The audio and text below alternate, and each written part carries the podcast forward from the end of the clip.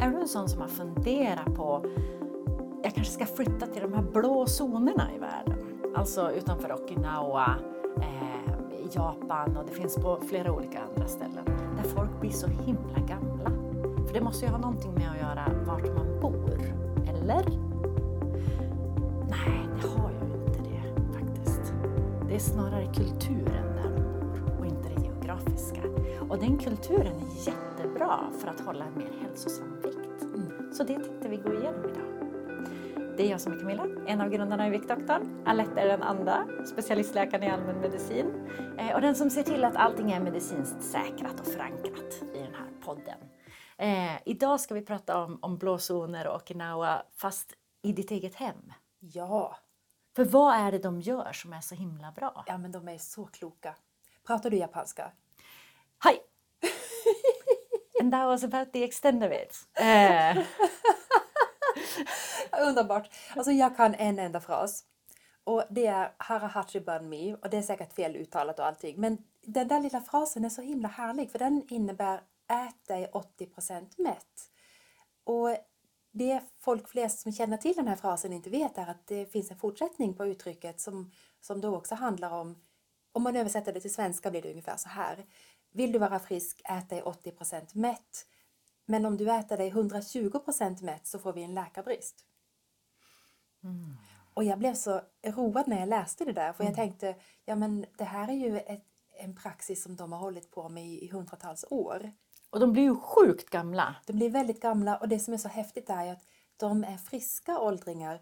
De, de kanske är hundra år gamla, fullt friska, gräver i sin trädgård, jagar efter hönsen. Och sen så händer någonting och så blir de sjuka en kort period och sen är de döda. Det är inte som den där västerländska, vi är sjuka 25-30 år och sen dör vi. Ja, jag, föredrar den japanska Ja. varianten. Yes. Så vad är det jag ska tänka på då? Ja, det, det de gör som jag tycker fler ska tillämpa, det är ju då att de äter inte på sin autopilot och bara slafsar i sig maten och plötsligen sitter de där och är vrålmätta. För det har hänt mig en hel del gånger. Har det hänt dig någon gång? Nej.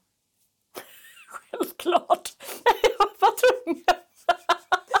Camilla har alltså en man som är väldigt duktig på mat och vin, precis som min man. Så att jo, ja. Det, det är lätt att äta väldigt mycket. Men eh, om, om vi eh, bromsar där, för redan där har vi ju flera aspekter att prata om. Eh, och det är ju det här, eh, vad kan du göra för att inte bara tokäta? Och det börjar redan i köksskåpet faktiskt. När du ska plocka ut en tallrik, ja men så sätt tillbaks den, ta en assiett istället. Och när du då sitter där och ska lägga upp din middag på en assiett och tycker det här är ju helt löjligt. Så ska du tänka på att ja, men det är ju inte så att du bara får ta en portion, men du börjar med en liten portion. Och den börjar du med på en liten assiett. Och eh, jag bara kom på någonting vi har pratat om tidigare. Eh, låt maten stå kvar på spisen. Så ta mat på assietten, gå och sätt dig vid bordet. För att då, blir det, då måste du resa dig upp och, och gå, alltså det blir en medveten handling på ett helt annat sätt än att bara ta lite mer, ta Ja. lite mer. Ja, för det är ju så att när man har ätit sin lilla portion eller sin stora portion så kanske man tycker att det här var jättegott, jag tar lite till. Och då kanske det har gått väldigt kort tid. Alltså, jag som jobbat inom sjukvården i massa år, jag kan äta min lunch på tre minuter, jag skojar inte. Det går, så är det färdigt. Och det innebär ju att jag får ju inte någon mättnadskänsla på tre minuter. Nej. Det tar 20 minuter ungefär beroende på vem man är men någonstans 15-20 minuter, 25-30 i vissa fall för hjärnan att skicka ut de där signalerna med eh, mättnadskänslor där du faktiskt får ett hormonellt svar. Du har ätit mat, nu är du mätt, nu räcker det. Jag menar, en av anledningarna till att de här äh, ät så mycket du kan-tävlingar är på tid. Det, det måste ju också vara för att de kan inte trycka så där mycket mat egentligen. Hade de inväntat, är jag mätt efter det här? Så hade de ju bara stoppat för så länge sedan. För jag kommer nämligen ihåg när jag gick eh, eh, lågstadiet eh, och Svante, eh, det var paltätartävling. Ja, paltätartävling! För så gör man uppe i stan. Eh, I alla fall, eh, han fick i sig nio palt. Mm, vänta nu, sa du nio? Och han var nio år gammal, tio, nio, tio år gammal. Nio paltar! Nej men du skojar. Nej. Det, det rekordet stod väldigt länge i den matsalen kan jag säga. Han mådde sjukt dåligt Nej. på eftermiddagen. Alltså paltsvimen var ett begrepp i Piteå när jag bodde där. Jag kan tänka mig att han måste ha haft paltkoma. Ja, ja, ja, ja. Nej, men alltså det var, det var inte bra. Eh, så att vill du äta jättemycket, tryck så kort du kan. Vill du inte äta jättemycket, vänta. Ja, och då är det ju så att om man verkligen är en snabbätare för att man jobbar inom skolan, vården eller man har vanan innan att äta snabbt. Då har vi lite knep och knåp för att sakta ner sig. Mm.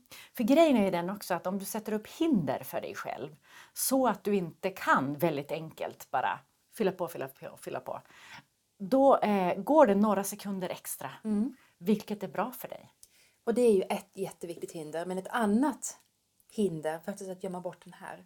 Inte sitta med telefonen framme och bläddra och läsa och ja, Eller tidningen eller eh, sätta upp eh, en dator eller padda och titta på Netflix, HBO, eh, nu ska jag säga allihopa, Viasat, kom hem, nej men jag vet inte, eh, så. För vad händer då? Ja, men då är ju hjärnan fullt upptagen med underhållningen och maten i andra hand. Och då har du råkat äta upp utan att egentligen ha smakat på maten, njutit av maten, känt av, börjar jag bli mätt nu? Och då är det ju så lätt att känna, jag är fortfarande hungrig, jag tar en bit till. Exakt. Så det är en del av det de gör i blåzoner. Jag skulle säga att det, det finns ett som är förlåtet med, med padda, telefon och det är ju att har man inget middagssällskap och gärna vill ha det, har någon att prata med, ja men ta ett Zoom-möte med någon då. Ja, eller bara sådär. Det, det finns massor med gratistjänster också. Eh, Det gjorde vi faktiskt under pandemin. Eh, Vi stod och lagade mat med kompisar för vi kunde inte träffas. Eh, Och eh, jag tror att det var i början av pandemin så vi hade faktiskt bokat att vi skulle ses den lördagen. Eh, Men då satte vi upp datorn och så körde vi sånt där videomöte. Och så stod vi och hackade grönsaker och stekte och gick fram och tillbaka till kameran. Och, ja, men det kan vara lite mysigt för jag tänker också så här. När man äter tillsammans med någon, då pratar man ju med den personen. Och åtminstone i vår familj så pratar vi inte med mat i munnen. Och då tar det längre tid att äta. Vilket är bra. Ja, plus att då får man också endorfiner av sällskapet. Och har man då inget fysiskt sällskap, ja men då kan man ha ett digitalt sällskap. Ehm, Eller bara ringa någon i telefon. det kan man också göra. Mm. Det är lite svårare, det är lättare att avbryta varandra.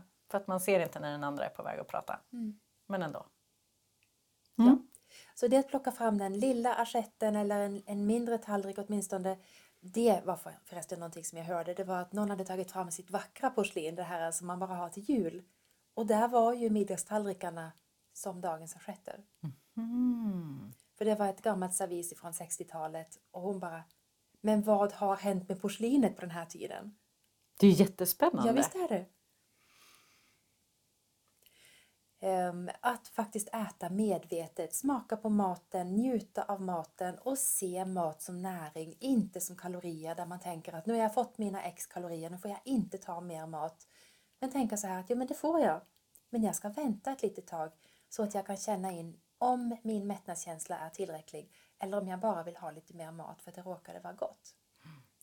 Och vi satt faktiskt hemma hos oss och åt pizza en fredag. Och, eh, och då sa min älskling så här, jag ska ta en bit till. Och så sa jag till honom så här, ska du inte vänta en kvart? Och han bara skrattade och sa, men alltså om en kvart då är ju maten kall. Men den går ju att värma. Ja, den går att värma. Men jag förstår honom. Det är inte kul att äta kall mat. Nej, och kall pizza, den är ju absolut godast varm. Ja. Ja, färsk, god. Det var jättegott. Och, och vad mer då om man tittar på de här i blå zoner? Vad är det de gör som gör att de faktiskt är på en väldigt hälsosam vikt i princip hela livet? Ja, de odlar ju jättemycket av sin egen mat. Och då menar jag inte att de odlar kossor. Utan de odlar grönsaker, de äter baljväxter, de, de äter mycket som är från växtriket och sen har de också naturligtvis kött och fisk och eh, ägg. Men, men det är en, mera ett komplement. Ehm, och det är också någonting som forskarna har visat att äter man mera växtbaserad kost så har man väldigt stora hälsofördelar av det. Men då pratar vi ändå fokus på växtbaserat protein. För det är ju inte att byta över och, och eh, sluta äta protein. Alltså bara för att man väljer bort eller väljer ned kött och fisk och ägg och så. Eh, Det finns ju ganska mycket protein i baljväxter exempelvis. Men tofu är ju också någonting som är stort i Asien. Och det är ju sojabaserat eh, protein. Ehm, men det är ju inte så att de lever proteinsnåla liv utan de får ju i sig allt det de behöver. Men där vi idag kanske lägger upp ris eller pommes eller potatis och sen protein och sen kanske någon liten eh, dekor som är en morot eller någonting. Men det blir inte så mycket grönsaker men hos dem är det mera mycket grönsaker och sen är det andra tillbehör.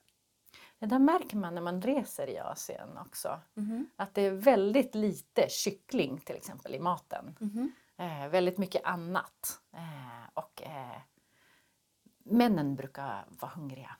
Ja. För de får inte i sig tillräckligt mycket.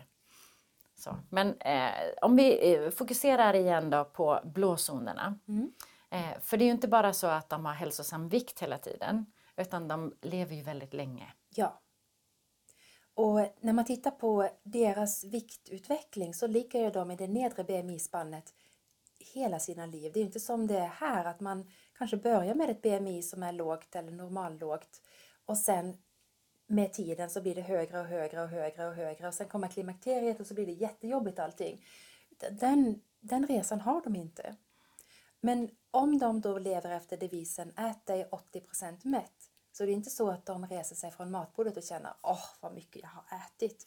Utan då reser de sig och så är de kanske lite hungriga fortfarande. Och det är deras sätt att leva på som jag tror att vi skulle kunna må så mycket bättre om vi applicerar det här. Ja, alltså jag känner lite så här kontraproduktivt att, att gå från ett matbord och känna sig hungrig. Mm, men avsaknad av hunger. är Alltså det- till ett neutralläge mer. Ja, ja. Ja. Men att inte gå till mätt.